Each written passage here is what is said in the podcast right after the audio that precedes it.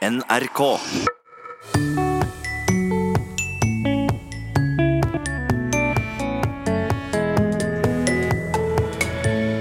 Dialekta di er utvanna og rettskrivinga som et villnis. Hørt slike utsagn før? Og sier metaforbruken noe om ståsted i språkdebatten? Det er umulig for oss å drøfte språk uten å bruke bilder eller metaforer. Og de eh, formuleringene vi bruker når vi snakker om språk, de eh, henger ofte sammen med det vi tenker om språk. Språkteigens lille latinskole er på reise i sommer, og hvor skal vi starte, Vibeke Roggen? Da tar jeg deg og andre med til Gallia. Vel møtt til Språkteigen. Språket er ei olabukse. Lyder det litt underlig? Kanskje går det bedre om jeg prater om språkdrakt? Og for å fortsette metaforbruken om språk. Du har kanskje hørt at dialekta di er utvanna? Eller at samnorsk er en grøt? Slik prater vi nemlig om språk. Med matretter, væsker og organismer som metaforer. Sier det noe om hvem vi er og hva slags ståsted vi har i språkdebatten? Kollega Stein S. Eide har møtt filolog Kristin Frittun, som har forska på fenomenet og endt opp med ei bok med tittelen Språket er ei bukse. Det er noen språkdebattanter som har eh, omtalt språket som ei bukse, og da spesielt ei olabukse. Og jeg syns det er et veldig fint eh, bilde, så jeg tenkte at det kunne passe som eh, tittel. At det er noe litt uventa og rart. Men hvis jeg sier ordet språkdrakt, så vil jo folk skjønne litt mer dette her med at språket kan forstås som et slags klesplagg. Enten da et plagg som språkbrukeren klær seg i og viser seg fram i. Eller vi kan òg forestille oss at um, språket er ei slags drakt rundt tanken eller meningsinnholdet, og at språket er ei slags sånn et hylster da, eller et tøystykke som draperes rundt eh, tanken. Hvorfor eh, ville du gjøre dette her? Det overordna målet er å prøve å forstå bedre hvordan språkdebattanter tenker, altså hvordan de resonnerer og kommer fram til det standpunktet de har. Og da tenkte jeg at En måte å gjøre det på, er å se hva slags eh, bilder eller metaforer de bruker når de diskuterer språk. For det at de eh, formuleringene vi bruker når vi snakker om språk, de eh, henger ofte sammen med det vi tenker om språk. Men det er jo det er fortsatt veldig mye upløgd mark her, for å bruke en metafor. Det er veldig mange ting som, som står igjen å granske. Mm. Men hva er det du har funnet ut, da? Har du noen eksempler? Ja, jeg har fokusert på noen ganske sånne vanlige eh, metaforer, eller metaforiske strukturer. Og Den ene er at språket er en organisme. Og Det vi gjør da, er jo å se for oss at språket er f.eks. norsk, eller bokmål, eller nynorsk eller dialekt. At det er en selvstendig levende organisme som kan dø, som kan være frisk eller svak eller sjuk. Eh, vi ser for oss at, eh, at språkbrukere er gartnere, f.eks., som må liksom, eh, trimme busken og luke ugras, og som sørger for at språket har gode vekstvilkår. Og det fins jo en del påstander om at vi har svikta som gartnere. Altså at eh, språket eller rettskrivinga er et villnis, er det noen som mener. Altså at det er kaotisk, at det ikke er orden og struktur. Så det er én sånn variant. En, eh, en, annen er at språket er en bygning. Og det som er litt artig, er at Ivar Aasen, som er nynorskens far, og Knut Knutsen, som ikke er like kjent, men han er bokmålets far, begge de to argumenterte veldig sterkt for at språket var en bygning. Men de gikk eh, på et vis inn for ulik byggeskikk. Altså De hadde ulike ideer om hva slags eh, fundament et skriftspråk skulle ha. Så Ivar Aasen mente at hvis du baserte et skriftspråk på mange ulike dialekter, så hadde skriftspråket kjempebra fundament. Mens eh, Knut Knutsen mente at du måtte basere skriftspråket på et spesifikt talespråk. Og Knutsen mente jo, han gikk så langt som å si at landsmålet ikke hadde noe fundament. Det, liksom, det sveva i løse lufta, sa han, fordi det baserte seg på mange dialekter i stedet for én. Så han mente da at eh, landsmålet rett og slett eh, mangla fundament. Gjennom 1900-tallet så var språket er en organisme en veldig vanlig forestilling på riksmålssida. Arnulf Øverland f.eks. argumenterte ofte ut fra en sånn tanke. Mens for målfolk har i større grad argumentert med at språket er en, eh, en bygning eller et, et, system, eller en mer sånn identitetstankegang, altså at språket er en del av språkbrukeren eller et uttrykk for språkbrukeren sin identitet eller klassebakgrunn osv. Men bruker de det da som en slags maktmiddel? Måten de snakker om språket på? Ja, det kan jo gjøre det. Altså Hvis du får folk til å tenke på språket gjennom måte, din metafor eller din forståingsmåte, så vil du jo kunne, ser jeg for meg, da, lettere kanskje overtale dem, eller eh, ja, få dem med på dine løsninger.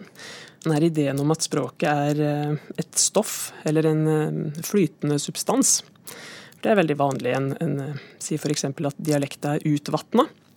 Noen vil si at min dialekt for eksempel, er litt utvatna. Det, sånn, det, er litt sånn dialektdrag og litt bokmål og litt nynorsk òg. Men det vi da ser for oss er at språket er ei væske, og så kan vi tilsette andre ting. Og da blir den væska litt sånn uh, uren og grumsete, og vi får liksom ei suppe eller en graut eller en lapskaus. Og i uh, fjor sommer så var det en diskusjon i avisa Klassekampen, der noen hadde foreslått å løfte fram at samnorsken, at vi burde uh, spleise bokmål og nynorsk til ett språk. Og da eh, reagerte eh, forfatter Tom Egeland og mente at det var som å skulle blande rødvin og hvitvin, og tro at vi da får en eh, velsmakende rosé. Så han forestilte seg da at nynorsk og bokmål det var to velutvikla, verdifulle produkt som smakte best hår for seg. Men så var det en mer samnorskvennlig fyr, som en norsklærer, Tom Jambak, som reagerte og skrev et innlegg og Han mente det at å blande bokmål og nynorsk, det er mer som å lage gin og tonic. Altså at du tar to væsker som ikke er så veldig smakfulle hår for seg, men hvis du blander dem, så får du et, eh, et supert resultat. Så han gikk jo da ikke med på det premisset om at å blande språk gir et eh, dårlig resultat. Han mente at tvert imot. Ved å blande to språk så kan vi få et enda bedre resultat. Hva syns du er de mest interessante funna i denne forskninga di? Altså, det er umulig for oss å drøfte språk uten å bruke bilder eller metaforer. Språk det er en veldig abstrakt sak som vi er nødt til å utstyre språket med litt sånne konkrete egenskaper dersom vi skal greie å snakke om det. Det er mitt utgangspunkt. Men så er det jo det her eh, spennet, og gjerne det at språket kan være mange ting på en gang. Fordi at ja, Vi kan si språket er eh, en bygning, men det kan samtidig være en organisme, eller det kan være et lim som holder folk sammen. Det kan være et uh, instrument som vi kan uh, f.eks. lage lyd med, da, musikk. Det er også vanlig å se for seg språket som et musikkinstrument. Og dette er at språket kan være mange ting på en gang. Det kommer av at en sånn metafor den, den dekker aldri alle aspekter ved språket. Så når vi sier at uh, språket er et klesplagg, så dekker det bare noen sider av språket. Nemlig åssen vi ser på språket, om det er vakkert eller stygt, eller om uh, innholdet passer til forma osv. Vi trenger metaforer, og vi trenger ulike metaforer for å diskutere språk. Hva håper du vi kan lære av å lese? Ja, jeg har jo en, eh, en tanke da, om at vi kanskje kan uh, forstå en annen litt bedre, og ha ja, kanskje se vårt eget standpunkt fra en litt ny vinkel. Reflektere litt over hvorfor har vi det språksynet vi har. Hvorfor forestiller vi oss at eh, språket ser slik ut? Altså at boka kan eh, sette i gang litt sånn refleksjon, da. Men jeg håper altså å skape litt, eh, litt språkfred, kanskje, da.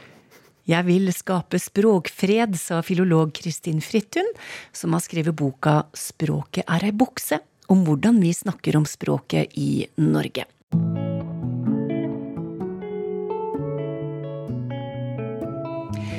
Det er sommer og ferietid, og med det kanskje tid for reiser. I Språkteigens lille latinskole har vi lagt inn et lett lite sommerkurs som du kan høre på i bilen, på flyet eller kanskje i skyggen fra en solparasoll. På farten med Språkteigens lille latinskole. I dette sommerkurset besøker vi kjente steder, og vår lærer og guide er som alltid førsteamanuensis i latin, Vibeke Roggen. Og vi starter reisa vår i Cæsars fotspor. Og hvor drar vi da, Vibeke? Da tar jeg deg og andre med til Gallia. Eh, til eh, Cæsars krigføring eh, i Gallia mellom år 58 og 50 før Kristus. Og han førte ikke bare krig, han kunne litt av hvert, denne mannen. Han skrev også en krigsrapport som er så godt skrevet at den er regnet som mønster for latinsk prosa ved siden av Ciceros prosa. Ja, og Gallerkrigen var altså en serie trefninger mellom Den romerske republikk og stammer i Gallia, og endte med at hele Gallia ble en romersk provins. Og da er vi midt i tegneserien Asterix, ikke sant? Der, da er vi der, ja. Ja. Så det er de tapre gallerne, det, vet du. Ja. Ja. Og vi går inn i skildringen fra første setning. Den har jeg lyst til å lese på latin, og kommentere etter hvert. Gallia est omnis divisa in partes tres. Gallia er delt i tre deler, og så kommer dette omnis, som er litt rart. Det betyr i sin helhet, eller hele Gallia er delt i tre deler. Tre deler av hvilke? Belgierne bebor den ene.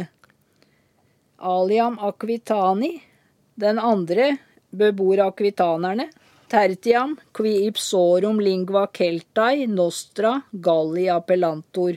Den tredje bebor de som på sitt eget språk kalles keltere, og på vårt språk kalles gallere, altså vårt språk latin. Allerede nå aner vi noen stedsnavn slik vi kjenner dem i dag. Men det vi hører her, er jo navn etter ulike folkestammer. Og vi kan jo starte med det opplagte her, nemlig gallerne. Han kaller hele området han kriger i, til å begynne med, så- for Gallia. Det omfatter nok mer enn dagens Frankrike, lenger mot øst, eh, mot Sveits, lenger mot Italia, og også da, som vi så, Belgia. Men så er det også disse kelterne som på vårt språk kalles gallere, da.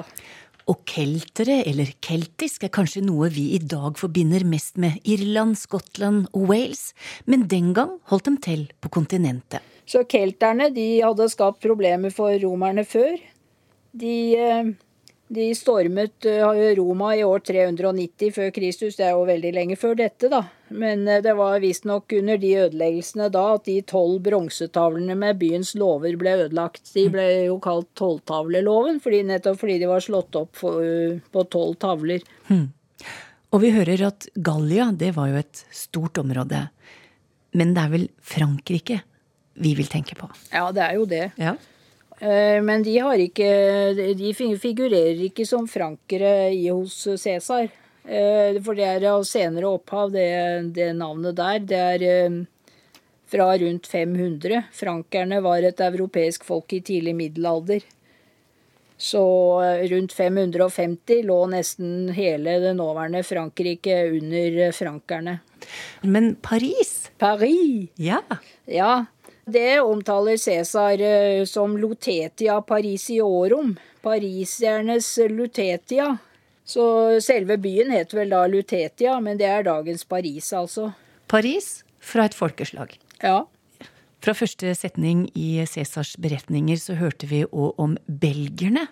Og det kjenner vi jo igjen i dag. Belgia hører vi absolutt, ja. Ja. Og de har jo ikke distansert seg fra det navnet, de, så de har beholdt det. Og som vanlig er, eh, stort sett så omtaler Cæsar eh, folkeslagene eller stammene. Så én belger, belga, flere belgere, belgai. Og Cæsar var særlig imponert over belgerne, ikke sant? Jo da, han eh, i setning to eh, sier han at eh, de, eh, de tapreste av alle disse, altså de tre gruppene han har nevnt, er belgerne. Og så det mest interessante er grunnen han oppgir. Av den grunn at de er eh, lengst borte fra provinsens eh, forfinete kultur. Culto atque humanitate. Og at eh, kjøpmenn sjeldnest kommer til dem og selger slike ting som bidrar til å kvinneliggjøre sinnene deres. og fordi de er nærmest germanerne som bor på den andre siden av Rhinen, og med hvem de hele tiden fører kriger. Ja. Så dette er en gunstig beliggenhet lengst mulig fra romerne og nærmest mulig germanerne. Da har du òg nevnt et nytt land, nemlig eh, Tyskland, som vi sier. Ja, hvis vi snakker om eh, eh, Det er som regel de folkegruppene, så stammene, som eh, er blitt navngitt først, og så har områdene fått navn etter dem når de har slått seg ned mer eh, fast et sted. Så eh, germanerne heter på latin germani, altså i flertall. Mens derimot eh, tysk og Tyskland, det kommer av et eh, germansk ord. Som visstnok betyr folk. Og det var flere stammer som Cæsar skrev om. Da Ja vi- da. Da er vi i neste setning. Helvetii er vi på da. Helvetierne. Så da fortsetter han med dette med tapperhet og virtus. Eh, av denne grunn overgår også helvetierne de øvrige gallerne i tapperhet. Fordi de nesten hver dag kjemper slag med germanerne. Og Helveti, da er vi i Sveits. Da er vi i Sveits, ja. Ja. Og de har eh, på sett og vis beholdt dette og det landsnavnet Helvetia. Eh, Jeg vet i hvert fall om tre måter de har beholdt det på. Innimellom sine fire offisielle språk. På frimerkene står det Helvetia. Jeg la merke til det da jeg som barn samlet på frimerker. Senere har jeg sett på disse bilskiltene, og CH det står for Conforderatio Helvetica. Conforderatio Fordos er en eh, allianse eller avtale, og con i dette tilfellet betyr det sammen. Så det er eh, edsforbund. Og så er den H-en da Helvetica, adjektivet dannet av dette Helvetia, da. Det helt sveitsiske edsforbund. Og den CH den fins også da på Sveits eh, internettadresser. Så vi ser spor av det fortsatt. Ja da, det er ikke NO der, vet du. Der er det CH. Så jeg syns vi kunne ha Norvegia på frimerkene, så slapp vi å ha dobbelt eh, Norge og Noreg. Ja, det syns sikkert du, Vibeke. Ja, jeg syns det. Slå et slag for Ja. latinen. Men vi hørte òg Cæsar skrive om eh, akvitanerne. Hvor er vi da, da? Ja, de eh, eh, Han beskriver dem i kapittel 1 her, at de, de skilles fra resten av Gallia ved, ved elven Garonne og mot Pyreneene. Pyreneene. Og mot den delen av havet som ligger mot Hispania. Ja, og da er vi ved et kjent og kjært ferieland for eh, oss eh, nordmenn. Ja. Og det, det landsnavnet kommer også fra latin, og Cæsar har det med. Her eh, skriver han ikke hispani, spanjoler, men han skriver landsnavnet Hispania. Og det er ganske interessant. Vi sier jo Spania, men på spansk heter det Espania. Så kan man jo lure på hvor den E-en kommer fra. Kommer den fra Hispania? Og Det vil jeg nesten tro, men jeg er ikke helt sikker. For på moderne spansk har man ikke ord som begynner med S pluss konsonant. Skole heter escuela. Stasjon heter estación. Spiritus heter espiritu. Spiritus er jo blitt til vårt adjektiv spirituell og til ordet sprit. Ja. Ja. Men eh, jeg vil nok tro at Spania har sin første stavelse fra den første stavelsen på latin, altså hi i Hispania, og h-en er alltid en svak konsonant. Vi har vandra i Cæsars fotspor sammen med guide og lærer Vibeke Roggen, førsteamanuensis i latin ved Universitetet i Oslo. Og hun er tilbake neste uke og tar oss med til nye steder. For noen uker siden fikk vi et spørsmål fra Gisle Johansson om ordet 3D-printing. Hvilket norsk ord kan være et godt ord for det fenomenet, spurte han. Toril Oppsal var på plass i studio og prøvde å gi svar. Dette her handler jo ikke om skrift eller utskrift eller trykking av tekst. Dette handler jo om å skape og formgi elementer som nettopp har tre dimensjoner. Så jeg må innrømme at jeg, jeg så for meg en figur, og så tenkte jeg åh, kanskje vi kunne bruke ordet kroppsbygging. Men, men det er jo opptatt. Jeg syns dette her er vanskelig, fordi printer og printing, som vi til og med sier noen av oss, eh, har vi jo lånt via engelsk print. Ja. Vi har også et eh, norsk flott innarbeida ord som er prente, som vi kanskje kan ta i bruk i større grad. Romprenting, kan det funke? Ja. Jeg spør litt, jeg. Ja. ja. Modellprenter? ja, kanskje modellprenter? Ja, slik gikk det. Vi ble litt svar skyldig, Toril. Vi kom vel egentlig ikke fram til noe særlig godt forslag. Og så valgte vi å kaste ballen ut til lytterne. Ja, Har de svart? Ja da, vi har fått eh, forslag, og det første er fra Ålaug Rosseland. Hun tenkte på dette med formgivning, og så la hun til den tredimensjonale her, og foreslår romformprint. Ja, du, det klinger jo veldig fint. Romformprint. Ja.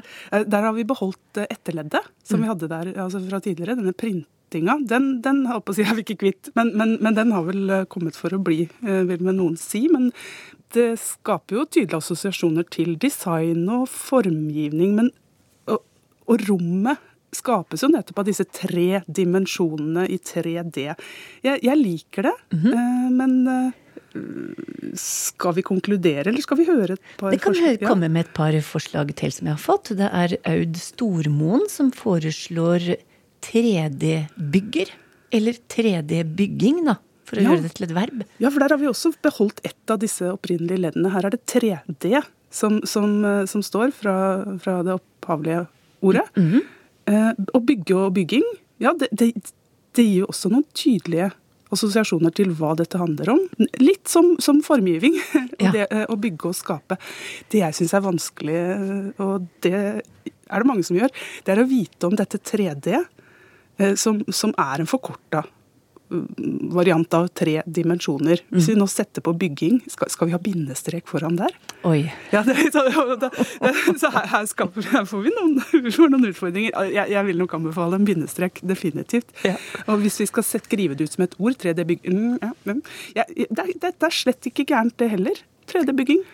Eller et nytt et. Ja. Ingrid Vennerød tenkte litt på barndommens modelleire, som jo lagde tredimensjonale modeller av, og foreslår digital modellering. Og det er en flott beskrivelse av det som foregår, og av selve prosessen, men kanskje mer av det enn av produktet. Eh, Fordi produktet forlater jo på sett og vis denne digitale sfæren og blir romlig. Eh, Og så mangler vi et substantiv som beskriver selve gjenstanden, altså en 3D-printer. Altså jeg, eh, en digital modelleringsmaskin blir kanskje et alternativ, men det var langt. Ja. Det er presist, men det er et veldig langt ord.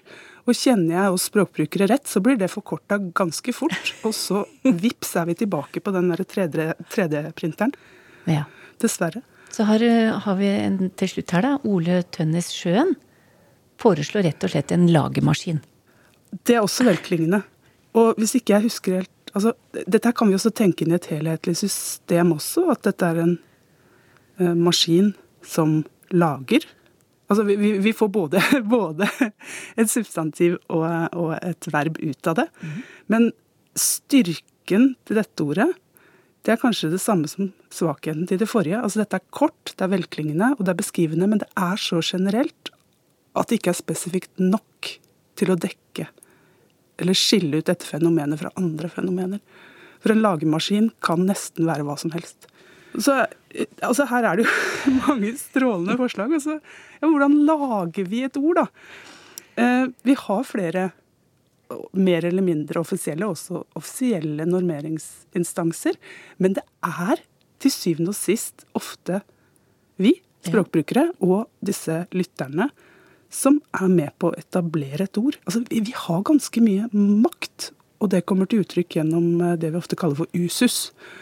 Og det er Ja, eh, det er ikke en person, selv om han, eh, han av og til nevnes i forbindelse med språknormering. Men usus, det er et ord som betyr sedvane eller hevd. Altså det er det som er i vanlig bruk. Og når man skal normere og overvåke og tilpasse orddanningsprosesser, så ser man ofte på usus. Man ser på hva som er vanlig bruk. Så gå ut og spre dine, dine gode forslag. Ja, takk for alle bidrag, så får vi se hva usus kan føre til.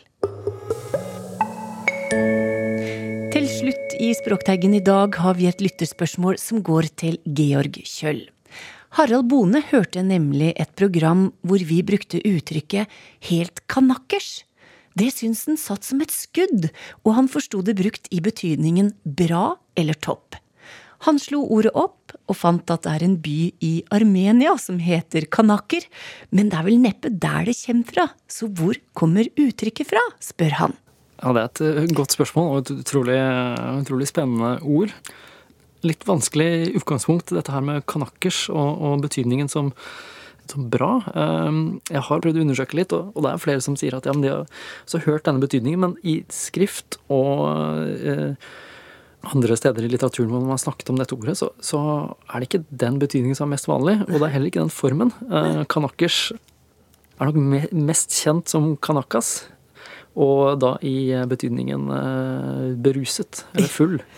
Jeg var helt kanakas drita, er en, eh, en slangbetegnelse som er blitt uh, brukt ganske mye. Blant annet så har Norsk Akademis ordbok uh, belagt dette med et sitat fra, fra, Skam.